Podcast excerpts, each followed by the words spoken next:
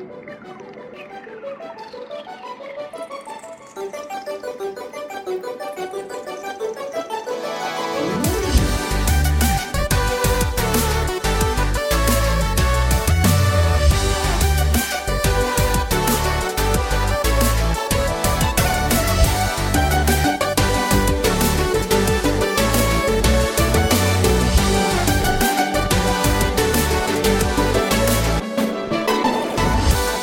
Velkommen tilbake til nerdelandslagets Sidequest. Å, det er så deilig å være tilbake igjen i studio. Det er jo ofte sånn at um, når det er ferie, sånn som det har vært nå, sommerferie, så uh, lager jeg opp en del episoder i forkant. Så det som dere har hørt gjennom sommeren, det har vært litt sånn, sånn uh, ting jeg lagde i bolk, da. Uh, for at vi skulle kunne ha litt sommerferie også. Men nå er det august. Jeg er tilbake igjen. Uh, og sitter her, og det er så deilig å være med i Sidequest nok en gang. Uh, min favorittsidepodkast hvor jeg bare kan bable i vei med folk jeg liker, om ting med lave skuldre, som dere vet. Og en av Norges mest uh, lavskuldrede menn, som også er selvfølgelig horrorprinsen, og ikke minst dypdykkongen. Her er han! Alexander Sautar, velkommen tilbake. Tusen takk, og halloen. Det er deilig å begynne på'n igjen, syns jeg. Ja, er det ikke det? Det? Ferie er jo deilig, men det er litt deilig når liksom du skal i studio igjen nå. Jeg syns det er sånn egen elektrisk spenning. Og kjekt å være tilbake igjen her. Jeg Ja. har mista litt telling. Ja, det begynner å bli noen. Ja, Begynner å bli noen. men uh, gøy hver gang. Jeg liker også at du nå ser, deg, ser på deg selv som på en måte så fast inventar at det er sånn Ja, det er deilig å være i gang igjen. Nå er vi jo klare, Nå er vi jo klare her i nederlandslaget. med ny Husvarm, vet du. Det er perfekt. Jeg liker det veldig godt. Gratulerer med ny podkast. Jo, tusen takk. Hvilken av de? Nei, så tenkte jeg på menn med midje Ja, jeg har jo en, en bok på deg der meg og Kristoffer Schou leser bøker. Den heter 'Menn uten midje kan også lese'. Kan jeg gjøre en liten plugg til? Ja, selvfølgelig. For jeg har òg en barnepodkast eh, med NRK Ja, som heter eh, 'Verdens ekleste podkast'. Den er veldig gøyal. Ja, takk for det. Ja. Den er perfekt for barn mellom fem og åtte cirka. Eh, Mm. Vitenskap og tull. Mm. Eh, og en veldig fengende jingle som jeg ikke skal synge nå. Eller barn mellom 33 og 36. Sånn som, så, som meg, da. Og sånn som meg. Ja, for jeg syns det er veldig gøy, og den har gått kjempebra også. Det går, går rett i værs på lister og Ja, ikke det er litt stas, da? Jo, det er, det er så stas. Og vi må uh, ikke være redd for å skryte av hverandre i dette landet. Så veldig bra jobba. Tusen takk. Ja. Men i dag så er du ikke her for å snakke om verken ekle ting eller Jo da, det er du definitivt. Eller, eller uh, midjer. ja. Vi er her for å snakke om eh, gaming, selvfølgelig. Og du, jeg, Det er ikke uten grunn at jeg kalte deg Dypdykkongen. Fordi det er jo sånn at Når jeg sender ut sånn brifing til um, gjester som skal være med i Sidequest, så er det sånn Ja, hva har du lyst til å gjøre? Og du var sånn Jeg vil gjøre dypdykk! Uff a meg. Ja, jeg har vært, jeg har vært eh, Hva var det, Silent Hill 2? ja, Eh, det syns jeg var så stas. det var kjempegøy. Det var veldig gøy, og jeg syns det er så deilig å få lov å, å virkelig gå dypt inn i spill. Så jeg tror Mm. dypdykkformatet er for meg, altså. Ja, det er perfekt. Det er, eh, det, er, det er fint å finne sine favoritter. Vern om sine favoritter. Og så er du veldig god på det også. Jo, Så tusen takk. eh, nok snikksnakk. Vi vil ha spill, takk. Eh, og det første spillet vi skal snakke om, for du skal jo være med i to episoder, mm. det er Resident Evil 7. Da, da, da.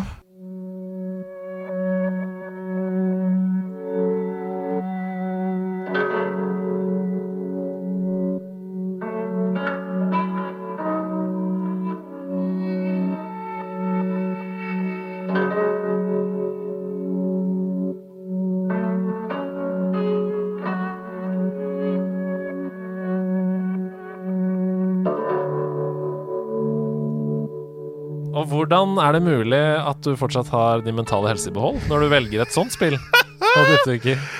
Ja, nå har jo jeg eh, eh, Hva skal man si tømt av min mentale helse når jeg snakket om eh, Silent Hill 2. Um, jeg elsker jo horror. Ja, du gjør jo det. Uh, jeg gjør jo det. Um, og Silent Hill 2 er veldig annerledes enn Resident Evil 7. Mm. Uh, og det er et spill som um, um, Som virkelig har gjort inntrykk på meg på mange måter. Mm. Uh, og som òg er viktig for sjangeren, men òg for serien Resident Evil, for de av oss som, som spiller horror. Eh, sånn som jeg sa i den episoden, så er jo ikke helt normal. Mennesker som liker horror, har jo et eller annet litt fucka ved seg. Ja. Eh, og jeg har jo blitt oppriktig redd når jeg har Ja. spilt det spillet.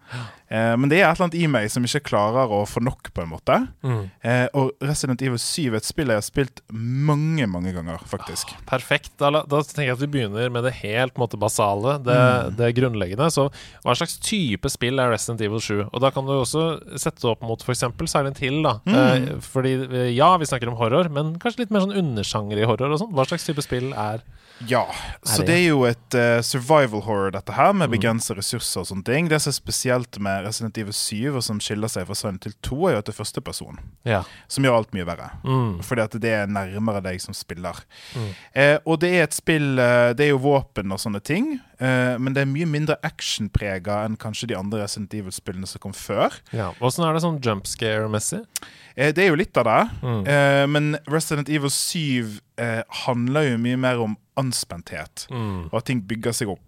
Det er klart at det er noen sånne her skikkelig jumpscares i spillet, men de treffer jo nettopp fordi at du har gått og tokket på eggeskall veldig lenge og Mm. ventet. Eh, det er et spill eh, Ja, eh, det er et spill med ja, som sagt begrensede ressurser og sånn. Det er ikke så veldig episk historie, dette her. Mm. Mange andre Resident Evil-spill før har jo vært veldig episke med helikopter og eksplosjoner og sånn. Mm. Dette er et spill som foregår i et hus. Mm. Eh, så det er jo klassisk horror trope med et skummelt hus. Mm. Og da en familie. Og det kommer vi tilbake til. Uh, men eh, du, du sa noe fint innledningsvis her om Resident Evil-serien Mm. uh, av spill. Um, du har jo fortalt tidligere i Sidequest om ditt forhold til horrorsjangeren i Mm. seg selv. Men Resident Evil-serien, hva slags forhold har du til den? Og ikke minst, hvordan skiller dette seg fra de andre? Ja, sant. Så det er en serie som, eh, som fikk meg til å bli horrorgal. Ja. Eh, og jeg spilte Resident Evil 2 når det Ja. kom ut. Det var det første, eller? Eh, ja, det var det første. Og så gikk jeg og spilte eneren og treeren, og så har jeg fulgt serien, da. Ja. Og så falt jeg fra på fem og seks, og så kommer jeg inn igjen i syv. Lurt. Det er ikke det folk sier, da? Det er lurt? Ja, jeg tror det. Eh, og det er jo en serie som Det er jo en ikonisk serie. Sånn Som Silent Hill så har Resident Evil-sjangeren vært en sånn definerende horror, eh, survival horror-sjanger. Mm. Eh, det er to viktige skiller i serien. Fireren, Resident Mm. Evil 4, og den syveren som vi skal snakke om i dag. Mm. Så fram til fire så har det vært eh, det som er veldig gjenkjennelig Resident Evil. Det klassiske med eh, skumle mentions og politistasjoner og survival horror og zombier og sånne ting. Eh, fra fire utover så blir det action, action, action. Det er mindre skummelt. Det er mye mer sånn eh, jeg vil si actionprega eh, skyte, skyte, pow, pow, pow. Du går aldri tom for ressurser. Mm. Og så gjør man en helomvending med syv. Mm. og først å bytte til første person, for de andre spillene har vært i tredje person. Men òg ta det nærmere, mer intimt, og gjør det faktisk skummelt igjen. Mm. Eh, for Resident Evil 5 og 6 er jo ikke skumle. Nei, det er jo Uncharted, liksom. Eller Ja, det er action, litt. actionspill, liksom. Ja. Ja, men interessant. Um, før vi går helt ned i materien her, så syns jeg også vi skal snakke litt om sånn Vi er jo nerdelandslaget, så vi liker mm. å dykke enda dypere ned i mekanikker. Uh, du sa noe om begrensede ressurser og sånn i gameplay, men er det f.eks. et våpenwheel som du togler gjennom? Altså, Hvordan er det man spiller Resident Evil 7? ja, så da er du første person, så du går rett og slett rundt og beveger deg med stikkene, og den andre stikken er kamera. Og så er det jo det at du skal oppdage, da. Uh, så dette huset er fullt av ting. Eh, Ressurser som du kan bruke og nyte deg av. Det er healing, selvfølgelig. Det er um, Det, det som Resident Evil 7 gjør, er jo òg at du har sånne her eh, ressurser som du kan blande og lage nye ting med litt etter behov. Ja, ja. Eh, og så er det våpen, men ikke veldig mange av de. Så ammunisjon er ganske sjeldent, fordi at du skal faktisk ikke skyte så mye. Eh, og da er det jo mye av, av jobben i spillet er jo faktisk det å utforske. ja. Eh, og det liker jeg veldig godt. At du må faktisk Du må faktisk gå og se under det skrivebordet og oppi den skuffen. Og fordi at det er førsteperson, så det er veldig masse nicks and crannies hvor det gjemmer seg ting og sånn. Og spillet gjør en veldig grundig jobb med å gjøre ressurser vanskelig tilgjengelig. da ja. Og så eh, er det jo eh, våpen som du har tilgang på, men det er ikke så veldig mange. Mm. Så mye av spillet handler jo om denne her forsiktige ressursforvaltningen. Nå skal du skyte, nå skal du løpe. Yeah. Du har lyst til å skyte mye mer enn du kan, selvfølgelig. fordi at du har lyst til å kvitte deg med fienden sånn at du er trygg. Men eh, det er ikke nok eh, kuler i spillet, rett og slett. Nei, og Det er kanskje den store forskjellen også fra uh, The Last of Us 1 til The Last of Us Part 2. Fordi i det første spillet første Last of Us-spillet, så uh, var det jo altfor få ressurser. Eh, og mm, oftere enn ikke så måtte du løpe, sånn som du er inne på her. Men i det andre spillet så var det, ja, med mindre du skrudde opp vanskelighetsgraden, lett å alltid ha nok, da. Og det gjør jo spillet Det gir jo spillet en annen karakter, selvfølgelig. Um, det gjør det mye tryggere som spiller, da. Ja, det gjør det. Fordi at du vet at du kan alltid renske alle gangene, liksom. Mm, før du går videre. Ja. Men, men er det når det ikke er så mye våpen, da tenker jo selvfølgelig hodet mitt med en gang Ok, er det stealth, da? Må du snike? Mm. Eller må du løpe? Eller hvordan er det du Det er en kombinasjon. Du kan stealthe. Det er jo, Vi skal litt inn i historien etterpå, men det er visse karakterer i spillet som følger etter deg. Og som Mm. du kan, du kan De er re- ressurssinker, så du kan skyte de og bruke masse av dine dyrebare ressurser for å få de ut av telling, men det er bare midlertidig. Mm. Så en del stealth er det. Eh, en del løpinger. Det er. Panikk. Altså, De er jo etter deg og skal knerte deg, liksom. Jeg blir, så, jeg, jeg blir redd av å høre deg snakke. Jeg bare ler, jeg. eh, og det er jo det som gjør eh, det spillet eh, for meg da veldig tiltalende. Fordi at du har, du har litt ressurser. Jeg liker ikke når det bare er stealth. Mm. Det blir litt for ensformig for meg. Men det å hele tiden være på toppen av situasjonen og gjøre disse viktige uh, vurderingene er jo veldig gøy, da. Mm. Eh, så det, ja. Litt action, masse stealth og masse løping. Du har snakka litt om historien allerede, men den er jo overraskende dyp. Eh, og også overraskende fæl, egentlig. Eh, og den involverer bl.a., som jeg har skrevet her, en konejakt, en familie som heter Baker, og et bioorganisk våpen som heter Evelyn.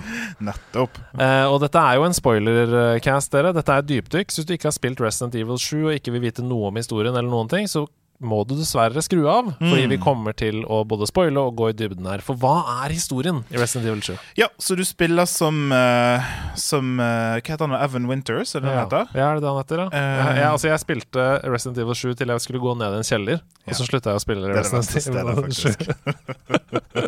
Jeg tror det er Evan Winters, du kan jo rette meg hvis jeg tar feil her. Ja. Som da faktisk har Ethan. en Ethan er det. Men Winters var riktig. Ja. Som har en slags parallell til Silent Hill 2 på en eller annen måte. Fordi at han, eh, han får en beskjed fra koden sin som har vært vekke veldig lenge. Jeg tror dette er gjort med vilje av skaperne, da, med denne diskusjonen. En liten hommage. Jeg tror det. Eh, om at, eh, at han må komme da ut til Jeg tror det er i sørstatene, jeg vet ikke om det er Mississippi eller Tennessee eller noe sånt nå i USA, eh, og, og finne eller hente hun da. Mm. Han kjører ut og sånn, og så begynner jo dette å eskalere. Han møter da Mia, heter hun, konen. Eh, noe galt med henne, helt åpenbart. Og så oppe på et loft så går hun til angrep med en, eh, en motorsag. Mm. Eh, du vet at ekteskapet ditt er gått dårlig når du har havnet der. Men du ser det er noe, det er noe galt, da. Men er det først da du vet det? Eller burde du ha sett signalene? Altså For øyeblikket du møter henne, så er hun off. Ja. Uh, så det er jo litt subtilt der, men det er jo der det ikke går skikkelig skeis. Mm. Og så får du knerta Mia, da. På en eller annen Mm. måte Hun går ut av telling, og, og sånn. Det er en kamp der, et hungemeng. Mm. Og så snur du hodet ditt, og så blir du slått ned. Og så er vi i gang. Og da er du fanget av denne Baker-familien. Eh, det er en mor eh, og en far og en sønn. Og så faktisk Gamla, en, en bestemor i en rullestol, som ikke sier noen ting. Nei. Og så er de etter deg og prøver å drepe deg. Og du, det, det er en scene der den har dere sikkert sett hvis dere ikke har spilt spillet. Så er en veldig sånn ikonisk scene akkurat når du åpner øynene og sitter med et middagsbord. Mm. Eh, der de spiser det som ser ut som altså innvoller, egentlig. Mm. Eh, og det er bare ekkelt, ubehagelig, skikkelig krise. Mm. Og så handler det da om å prøve å slippe unna de og komme seg ut av huset. Mm. Og så er det en søster òg, som jeg glemte å si. Zoe. Mhm. Som ser ut til å være den som har hodet med seg. Og som på en måte gir deg litt tips og triks og hjelper deg gjennom huset da ved å ringe på telefonen. Eh, og som til slutt da på en måte blir viktigere i historien. Mm. Men hva med denne Evelyn, da, som jeg nevnte så vidt? Eh, som, Ja. jo, som jo er bare et våpen, egentlig. Ja, hun er et våpen i form av en ung jente. Mm. Som òg er en sånn klassisk eh, horror trope. Tenk The Ring og sånn. Det som er litt kult med Evelyn, det er at du vet ikke at hun er viktig før langt ut i spillet. Mm. Eh, Det er litt hint og en, eh, en årvåken spiller får med seg Du leser jo filer og sånn, da. Sånn som er veldig typisk at du kan lese dagbokinnlegg og sånn. Da er det noe sånn hint om en eller annen jente som kom på besøk, datt, datt, da, men du skjønner ikke hva det er. Eh, og i andre halvdel av spillet, spesielt til slutt, så er jo da kampen mot hun Evelyn. Mm. Fordi at alt kretser rundt henne. Så alt som har skjedd i huset, det som er galt med familien, monstrene som er etter deg, kan alt liksom spores tilbake til denne jenten, da. Mm.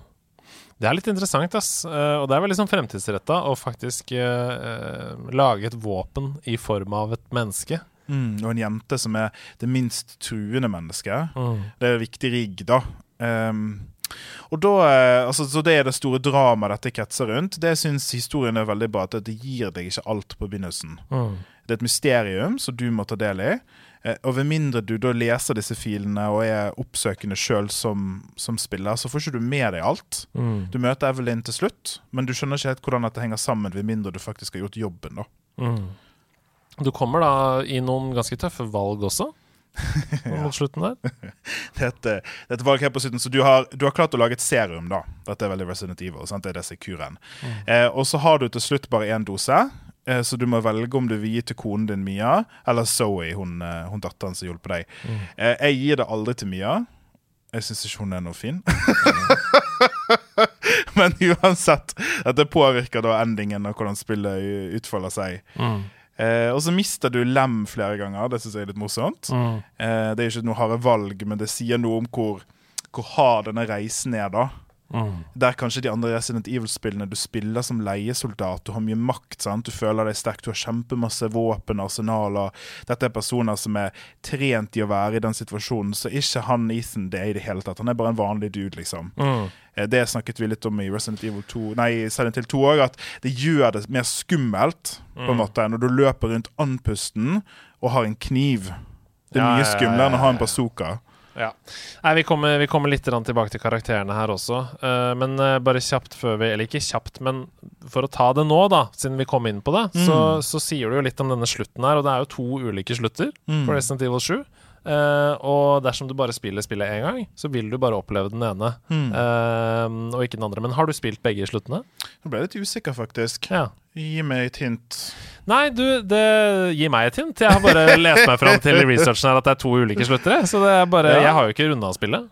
Nei, jeg har jo spilt det veldig mange ganger, men det kan jo være at det er et eller annet jeg ikke har fått med meg, da. Ja, det kan jo være da Det jeg er inne på her, er om du gir eh, Ja, til den ene eller den andre. Ja. Denne, dette serumet du snakker om. Ja, jeg har gjort begge deler, men jeg husker ikke helt detaljen om hva, hva slutten er. Nei, den er, det er helt greit. Um, ok, mange beskriver jo, i hvert fall når jeg gjør research, så ser jeg dette går igjen. De beskriver Resident Evil 7 som det skumleste spillet i serien. er du enig i det? ja. Ja. Jeg nå har jeg spilt eh, åtteren her ja. i sommer, på nytt. Det er et mye mindre skummelt spill Mm. enn syv. Eh, og det var visst en del reaksjoner på at syv var, altså det var for langt over på den andre siden. Ja. Eh, og det er nok en av grunnene til at jeg elsker det. ja. Men For det du nok- liker å være redd, du. Jeg synes, at Hvis det skal være horror, skal det være horror. Det er akkurat som å lage på en måte en chili som ikke har chili i seg. Ja, jeg skjønner. Så jeg vil jo ha den opplevelsen, da. Hvis du er forberedt på å drikke cola, så vil du ikke ha melk. Nei, sant? Det er veldig Ja, Ja, nettopp. Da skal jeg ha cola. Eh, og det er jo et spill som gjør det ypperlig. Det er jo et, eh, et mesterverk eh, når det gjelder det å ha en innlevende, skummel spillopplevelse.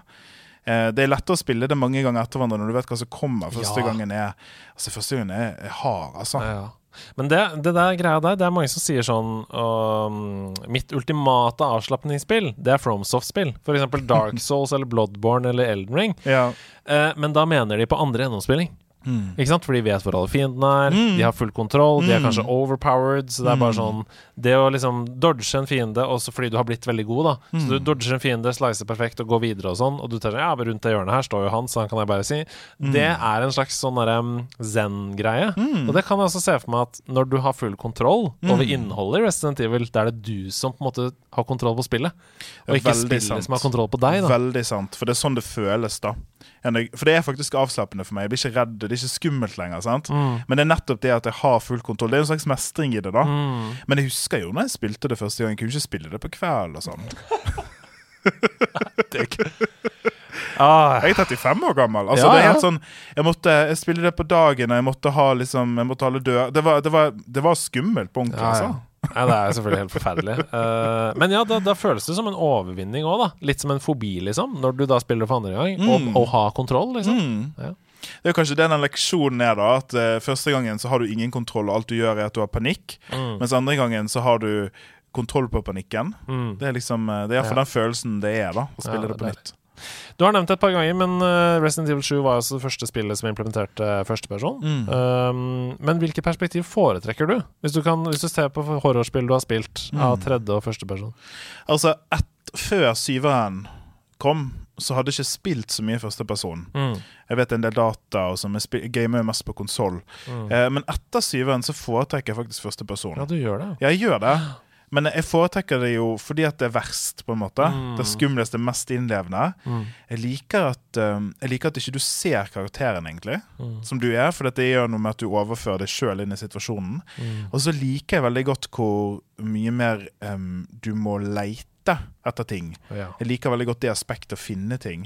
Du liker at det blir vanskeligere, egentlig. Ja, det er meget nøtteskall. Fordi jeg foretrekker alltid tredjeperson. Mm. Og grunnen til at jeg gjør det, er fordi jeg får mer oversikt.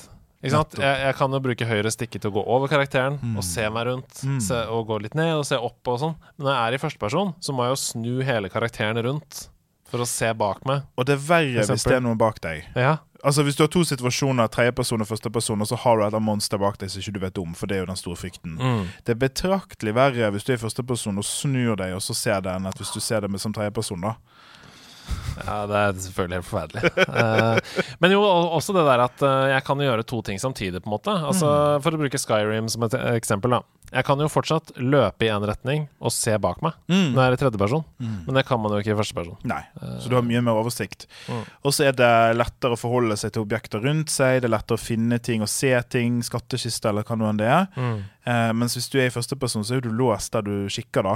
Mm. Veldig mange situasjoner i syveren handler jo om den paranoiaen. Mm. Det er derfor det blir en stemning, da. Fordi at du hele tiden vet at ting er ute etter deg, og du vet aldri når det kommer. Ja, det er knallhardt. Det er selvfølgelig knallhardt. Um, dette spillet det finnes jo også i VR, og det tror jeg er et brudd på menneskerettighetene. Det har jeg faktisk ikke trodd å prøve. At det fins. For det er jo helt uh, sjukt. Altså, du snakker om førsteperson. Da er du jo personen. Jeg er så fucka. Altså, jeg, og der går grensen min, altså. Ja. Der, der fins det en grense for meg. Jeg har aldri spilt dette i VR, og det kommer aldri til å skje. Nei. Nei, fordi Si at det kommer et nytt Resident Evil da som du ikke har kontroll på engang, Ja. og så skal du spille i VR for første gang. Ja, fy faen, det går ikke. Fordi det er sånn, Når du sitter og ser på en skjerm, da kan du i hvert fall se deg til høyre og se ok, vinduet mitt er fortsatt der. Og jeg er fortsatt i leiligheten min, eller i huset mitt, eller hvor jeg bor. Og jeg kan ta på pause og gå og drikke cola, liksom. Ja, ja, ja, ja. Men når du har på VR-briller, da er det jo deg i det huset. Og Ja. det er det, liksom. Det er for ekstremt. Ja, Til og med for helt, meg. Jeg lurer på ehm, Hvis du er en av lytterne som hører på nå, som foretrekker VR i horrorspill, så vil jeg gjerne at du skal skrive inn og si hvorfor. Fordi jeg kan ikke skjønne at det er noe Altså, det er jo en enorm immersion, selvfølgelig. Og og så er det litt som du sa med chili i stad, at hvis du spiser sterkere og sterkere chili, Mm. så må du til slutt ha helt enormt sterk chili. Ja, og så er det Jeg vet jo ikke, da, men eh, jeg tror at eh, hvis du er der Hvis du er så ekstrem, så er det nok den eneste fiksen som funker, tror jeg. Mm. Hvis det er sånn at du må faktisk være inne i spillet for å føle de følelsene, så er det jo det eneste som hjelper, da. Mm. Ja, nei, Du toucha litt innom det i stad, men uh, selv om Resident Evil 7 gjorde noen tekniske nyvinninger, altså sånn som førsteperson og VR og sånne ting, så annonserte også spillet seg selv i forkant som et Back to the Roots-spill. Mm. Uh, de I pressemeldingen så sto det Jeg fant pressemeldingen. Det står eh, Vi skal finne tilbake til den opprinnelige identiteten som et skummelt survival horrorspill med få våpen og lite ammo. Det står i pressemeldingen. Mm. Um, du snakka litt om den historiske konteksten mot Resident Evil 6, men syns du at de gjorde det? Syns du at du fant tilbake til røttene? Du som Ja, spilte toeren, da. Veldig interessant spørsmål. Ja og nei. Mm. De fant nok tilbake igjen til en slags metaforisk rot, altså en sånn idé av hva Resident Evil er, Mm. men det ligner jo ikke. Nei. Det er jo, for det første, er det jo det er jo helt, det er jo ikke, De karakterene som tar del i Resident Evil-universet, er så å si ikke med. Mm. Eh, så det er jo en viktig sånn ting med at Resident Evil har jo handla om Claire og Mm. Leon og, og sånn, og Chris. Men de karakterene er jo så å si ikke her. Eh, og så er det jo Settingen er jo helt annerledes. Mm. Ehm, og det er jo ikke zombier her. Nei. Det er jo en viktig Resident Evil staple. sant? Så jeg tenker at det de mener, eller sånn som jeg tolker det, er roten av det å være redd Mm. i et spill. Men, eh, og det å ha begrensede ressurser og sånn. Men eh, det ligner ikke. Jeg tror Nei. hvis du hadde Hvis jeg hadde puttet deg en kryotank på 90-tallet, liksom Ja. Hvis du spilte Resident Evil 2, og så tok vi deg ut igjen når syven kom, og så spurte de liksom, er dette Resident Evil-spill, så tror de først hadde sagt nei. Mm. Ja, det er Eh, interessant. Mm. Da er det mer liksom ideen da som du snakker Mm, om. ideen, ideen ja. om, om ja, konseptuelt. Liksom Mm. om hva et, hva et horrorspill skal være, liksom. Ja, iallfall den survival-biten. Mm. Eh, Ja. Fordi jeg er jo veldig glad i fireren òg. Det er jo et helt annet type spill. Men det handler jo ikke om overlevelse. Nei. Du har jo ubegrensa nesten ressurser. Det er helt umulig å gå tom for ting, liksom. Mm. OK. Um, vi er nødt til å snakke litt om det helt ville rollegalleriet i dette spillet her. Eh, og la oss begynne med Ethan, da, som du sa i stad. Han, han Mm. har en spennende transformasjon fra Mm. liksom eh, Ja, litt som Silent Hill. Fra helt sånn menigmann til eh, eh, anførselstegn Resident Evil-hovedperson. Ja, Men det er jo litt kult, da. Ja. Eh, så han begynner som en hvermannsen, liksom. Eh, og etter hvert som spillet blir Altså, han, han kastes jo ut i det. Eh, De som har laget spillet, er ikke så glad i Ethan Winters, for å si det sånn.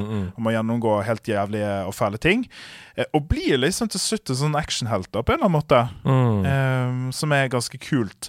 Det handler ikke så mye om han, egentlig. Mm. Han er Sånn som Silent Hill 2, så Eller kanskje mindre der, da, men, men det er ikke helt han Altså, Intrigen i spillet handler veldig mye mer om konen Mia Mm. og det som har skjedd med Evelyn. Men han observerer, han blir avataren vår, egentlig. Mm. Og så er det jo han som redder dagen, da. Ja, og han blir jo eh, tryggere også, gjør han ikke det? Altså, han blir jo, Jo. mer sånn mo modigere og Og det er jo litt sånn bra spillgrep, for det blir jo vi som spiller òg. mm. Så i begynnelsen så er det vi som, som Ethan, da, som snubler og jeg har panikk og roper og hyler og sånn. Mm. Og så til slutt så er du så stødig i rollen din som spiller at du på en måte tar ting mye mer sånn på stående fot, da. Og det Mm. blir jo Ethan òg. Han blir jo til slutt en, jeg vil si en actionhelt, egentlig. Ja, rett og slett. Eh, hva med disse andre familiemedlemmene? da? Går det an å skille dem fra hverandre? Kan, kan du liksom si I en sånn veldig skoledagboksetting så ville det sagt sånn Hva slags musikk liker faren? Og hva slags eh, mat liker dattera? Nå er kanskje ikke dette Disse er jo helt eh, spinnville folk. Ja. Men, men klarer du liksom si sånn Ja, det er en sånn type person. Det, Jeg eh, får et interessant spørsmål. De er jo forskjellige. Mm. Ehm, og spillet følger egentlig tre faser der du egentlig er på fiendelisten til hver av familiemedlemmene. mm. Så først er det faren, da.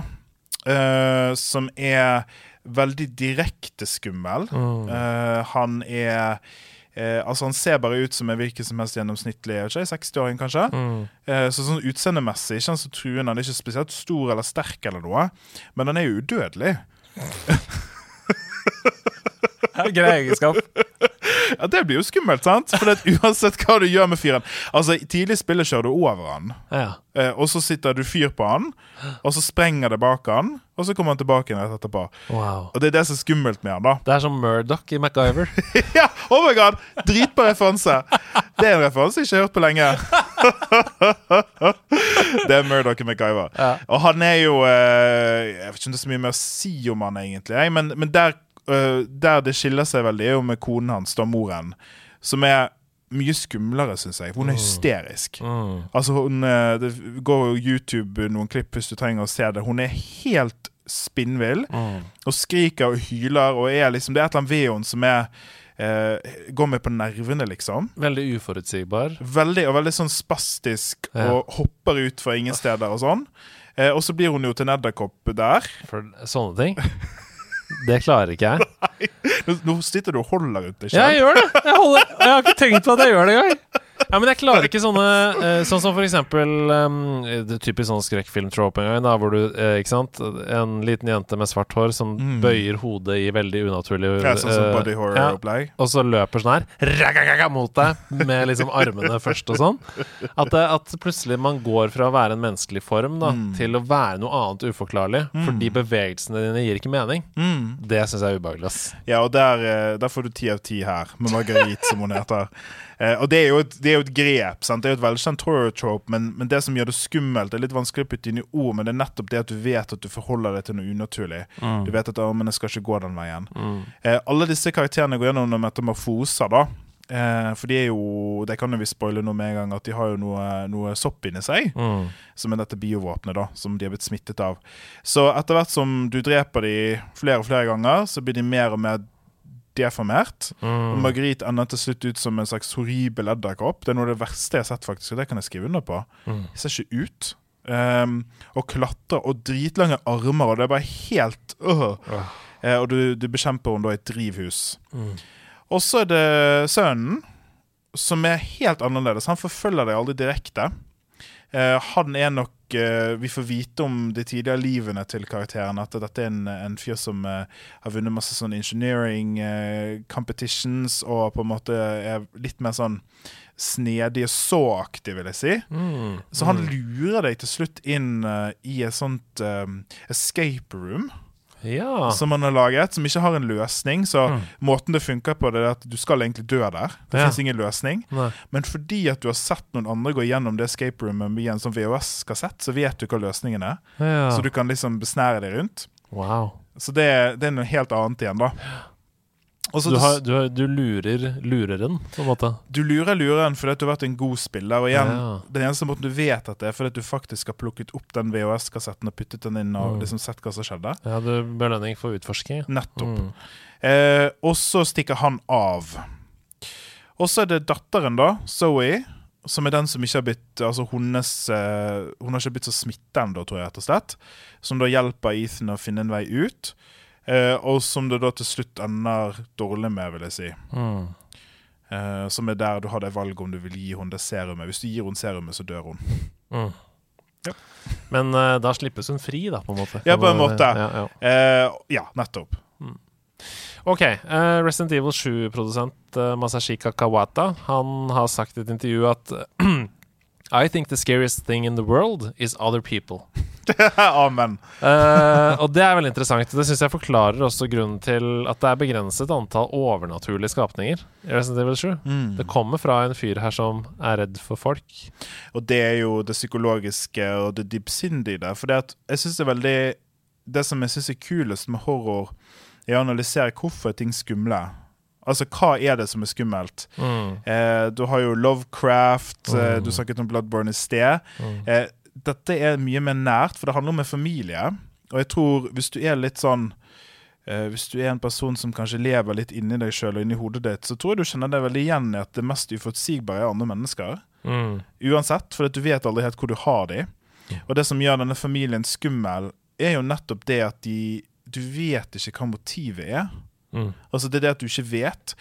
Når du vet det du vet på slutten av spillet, så er det mindre skummelt. Det var det jeg sa. Det er derfor det er lettere å spille det i runde to. Mm. Men i begynnelsen her så sitter du som et stort spørsmålstegn.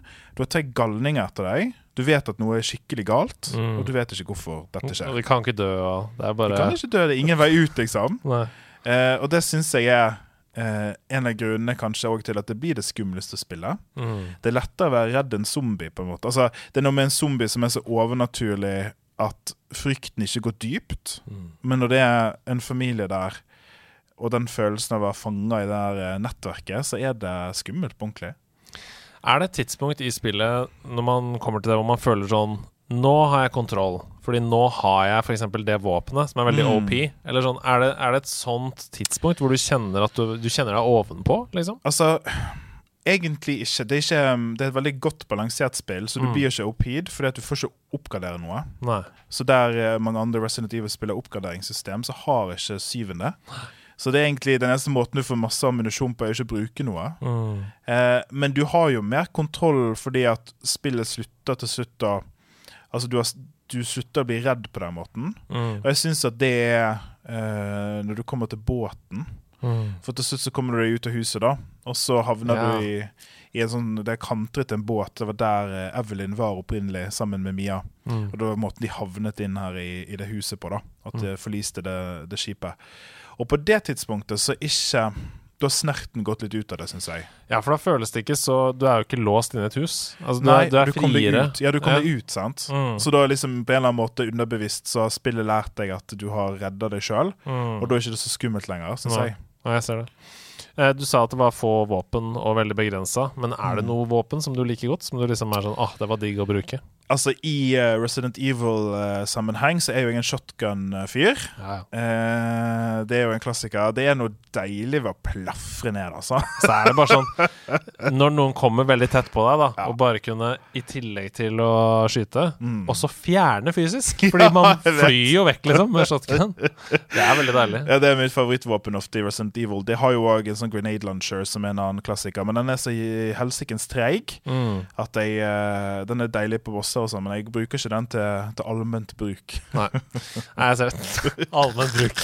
Grenade launcher. Uh, Resident Evil 7 det ble jo en kjempesuksess. Det har solgt Mm. over 10 millioner uh, eksemplarer. Uh, og bana også vei for oppfølgeren, da, Resident Evil 8, Ja. um, som også ble en suksess og en kritikerfavoritt. Mm. Um, mange mener at Resident Evil kunne ha slitt alvorlig, altså serien, Mm. uten Biohazard.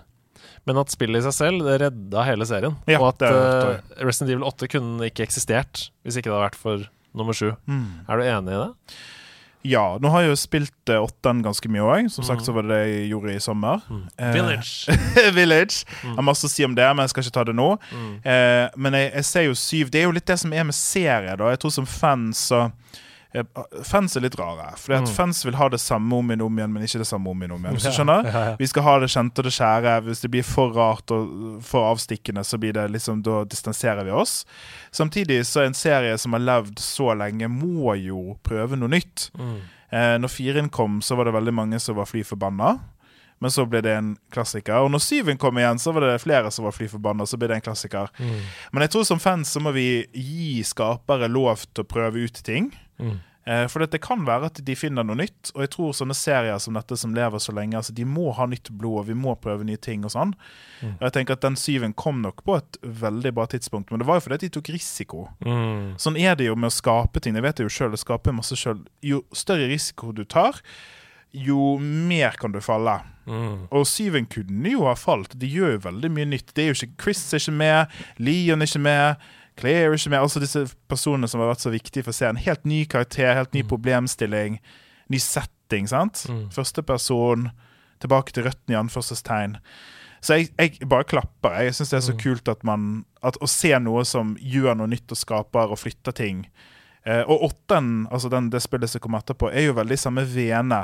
Jeg syns jo de gjør ting feil, da. Å ja, ja. Fordi det blir for uh, Ja, for jeg tror de Det blir for action igjen. mm, Blir Men- for bredt, på en måte. Og det er ikke skummelt lenger. Mm. Det er ikke skummelt å spille åtte. Jeg tror noen er uenig. Ja, ja, ja, jeg skjønner jo det. Skjønner, det, er jo, det er jo skumle øyeblikk. Spesielt når du eh, med de dukkegreiene. Det er Oh, yes. helt fryktelig. Det spilte jeg i går, faktisk. Men det er vel også kanskje det skumleste, sier folk uh, Ja, i det spillet. Jeg tror de har gjort det, med, det er avgrensa òg. Jeg tror de har gjort det litt med vilje. Mm. For at sånne folk som meg skal få noe å, å klappe for òg. Ja, det, det er gøy spill, altså. Det er ikke det. Ja. Ehm, litt gøy at du nevnte Chris. Uh, for hvilken connection har egentlig Resident Evil 7 med de opprinnelige spillene? Det er, altså Chris Redfield kom jo på et Ja, tidspunkt inn, og slutten. plutselig jobber han for Umbrella Corporation, som jo har vært slem gjennom alt. Hva, Ja. hva skjer? Ja, Hvordan henger det da sammen igjen? da? Nå spør du godt, jeg husker ikke helt det der. For det er helt på slutten, så altså, Greien er at Evelyn er skapt. sant? Det er et Ja. biovåpen. Alle biovåpen er skapt av Umbrella. Mm. Nytt biovåpen. Det som er annerledes nå, det er ikke noe G-virus og T-virus. Vi er ikke i virusverden, men en sopp. En Mm. selv som sprer seg. Og, og noen av fiendene du møter i spillet, er jo sånne muggskapninger. da. Eh, og så tror jeg helt på slutten, da kommer Chris i et helikopter. Ja, et helikopter. Eh, og selvfølgelig gir deg eh, våpenet som du trenger for å drepe fienden. Mm. Og så pleier jeg jo ofte å skubbe av spillet, for Ja. det er ferdig. sant? Ja, Så ja, jeg får ikke med meg den slutten så veldig Nei, ofte. nei, for jeg, jeg spør rett, rett ut. spør, jeg. ja. Hvorfor jobber han? Fordi det eneste jeg har sett, er det klippet at han kommer ut, og så har han den logoen på, på klærne sine. Umbrella Corporation. Og da er det sånn Oi, hæ? Det er jo det du har bekjempa Ja, Jeg tror ikke han gjør det på ordentlig, altså. Nei. Uh, I um, I åtteren så er det jo òg sånn red herring der med at liksom Chris egentlig er fienden, og så ikke han det. Det er bare en eller annen ruse. så mye brydde meg om det.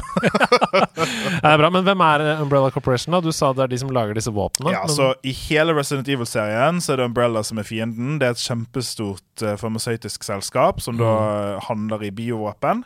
Eh, og som da står bak alle katastrofene i alle spill. Mm. Og så er det opprinnelig et virus som gjør folk til zombier og, og sånn. Mm. Eh, og her er det liksom da en ny generasjon. Eh, så poenget er at, at Umbrella har lyst til å tjene seg rike på å selge disse våpnene. da. Mm. Litt urealistisk for noen som har jobbet i farmasøytisk verden, men OK. Ikke ødelegg. Jeg, jeg er helt enig, jeg, at det kunne skjedd.